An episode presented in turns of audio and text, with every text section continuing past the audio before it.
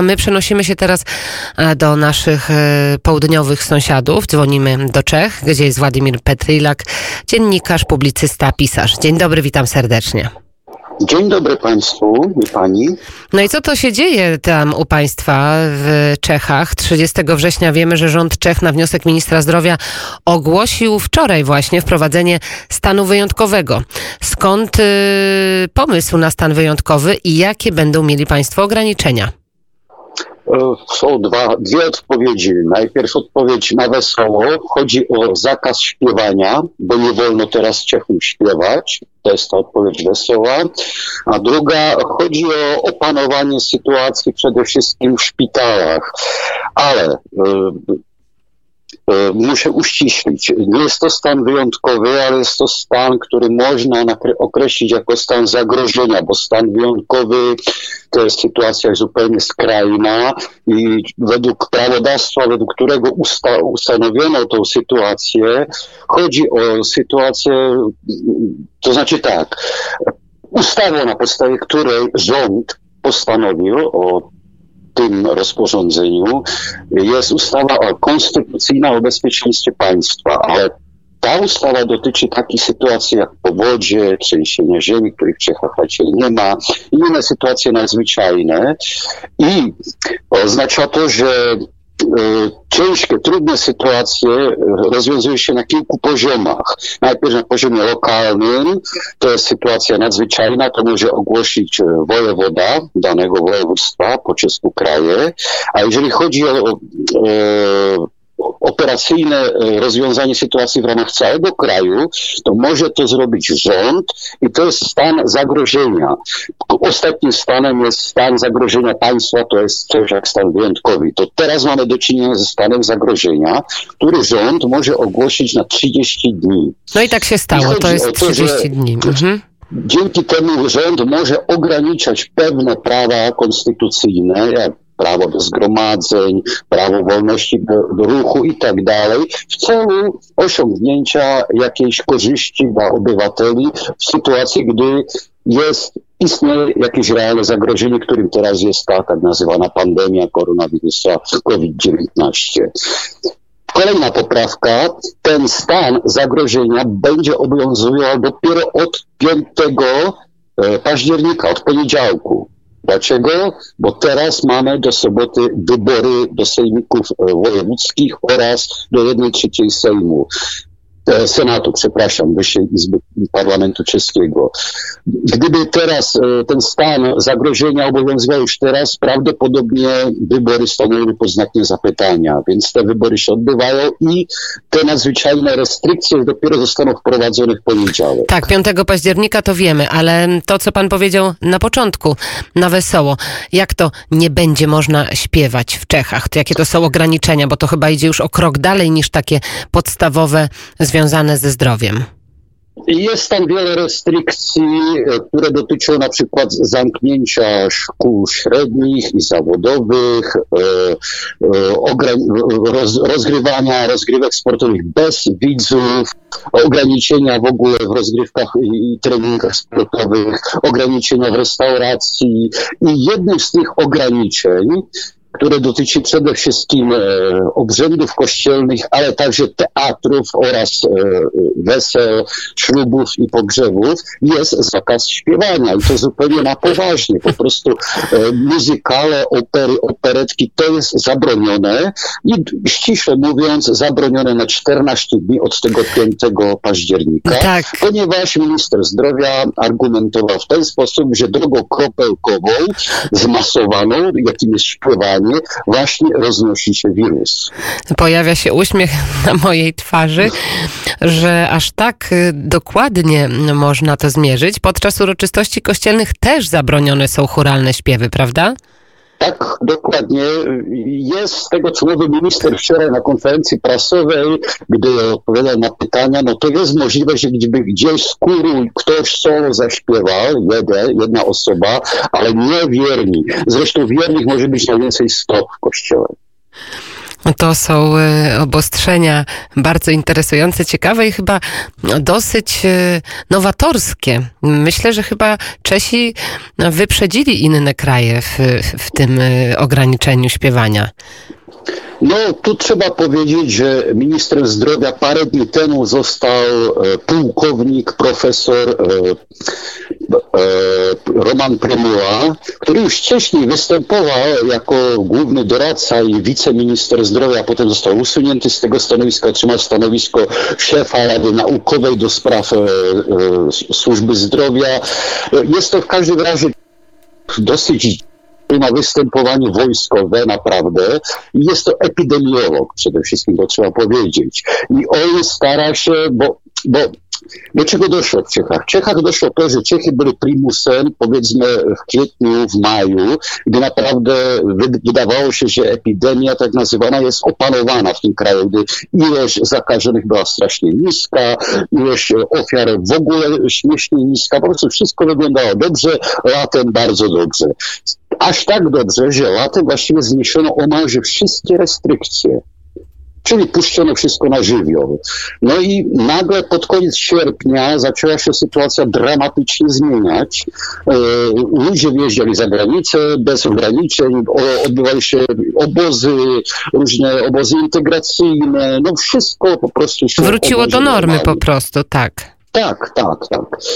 No i potem pod koniec sierpnia nagle coś się działo, jeżeli chodzi o ilość nowych zarażeń, tak nazywanych, i testowanie, wyniki testowania.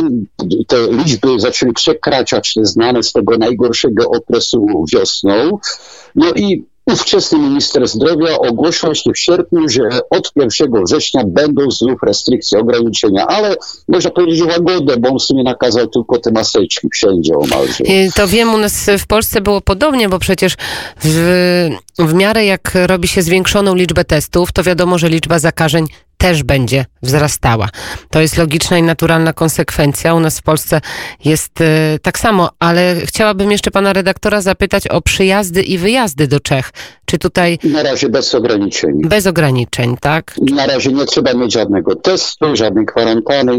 Pod tym względem właśnie ten pułkownik Prymula, gdy był wiceministrem zdrowia, to w kwietniu omalże, tak, w kwietniu bodajże, e, gdy się wypowiadał dla media, to mówił, że teraz to na dwa lata Czesi nigdzie nie pojadą i nikt do nas nie przyjedzie. Tak zapowiadał jako wiceminister zdrowia, no ale to na szczęście się nie stało, nie zostało tak zrealizowane. To jest temat związany z koronawirusem, go odkładamy już na bok, wiemy bardzo dużo.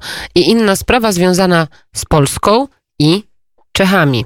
Czeskie Ministerstwo Odpowiedzialne za, za, za granicę i środowisko złożyły skargę na Polskę do Komisji Europejskiej. Ma to oczywiście związek, o, związek z kopalnią węgla brunatnego w Turowie, która otrzymała pozwolenie na dalszą działalność. Jak wygląda ta sytuacja, mm, jak będzie wyglądała jej przyszłość? E, tu jeszcze muszę troszeczkę zrobić dygresję, bo prawdopodobnie ta skarga do Komisji Europejskiej jest związana z innym skandalem, który się wydarzył w Czechach i jak już mówiłem, teraz mamy wybory, które nie są co prawda najważniejsze, a wybory do sejmików 1 trzeciej Sejmu na rok przed wyborami parlamentarnymi to jest wielki sprawdzian. I o co chodzi? Chodzi o cyjanek jak w tej wcześniejszej sprawie chodzi o śpiewanie, to teraz o cyjanek, ale teraz chodzi o cyjanek, który się przedostał do rzeki Beczwa. To jest rzeka piękna, malownicza w górach na Morawach i ten cyjanek, który się tam nie wiadomo skąd dostał, zatruł ponad 30 tun, tun ryb po prostu rzeka stała się martwą. I jest wielkie podejrzenie, że ów cyjanek wydostał się, przedostał się do rzeki z jednego z zakładów, który należy do premiera Babisza bo on jest wielkim potentatem przemysłu chemicznego między innymi. Ciekawe. I, mhm.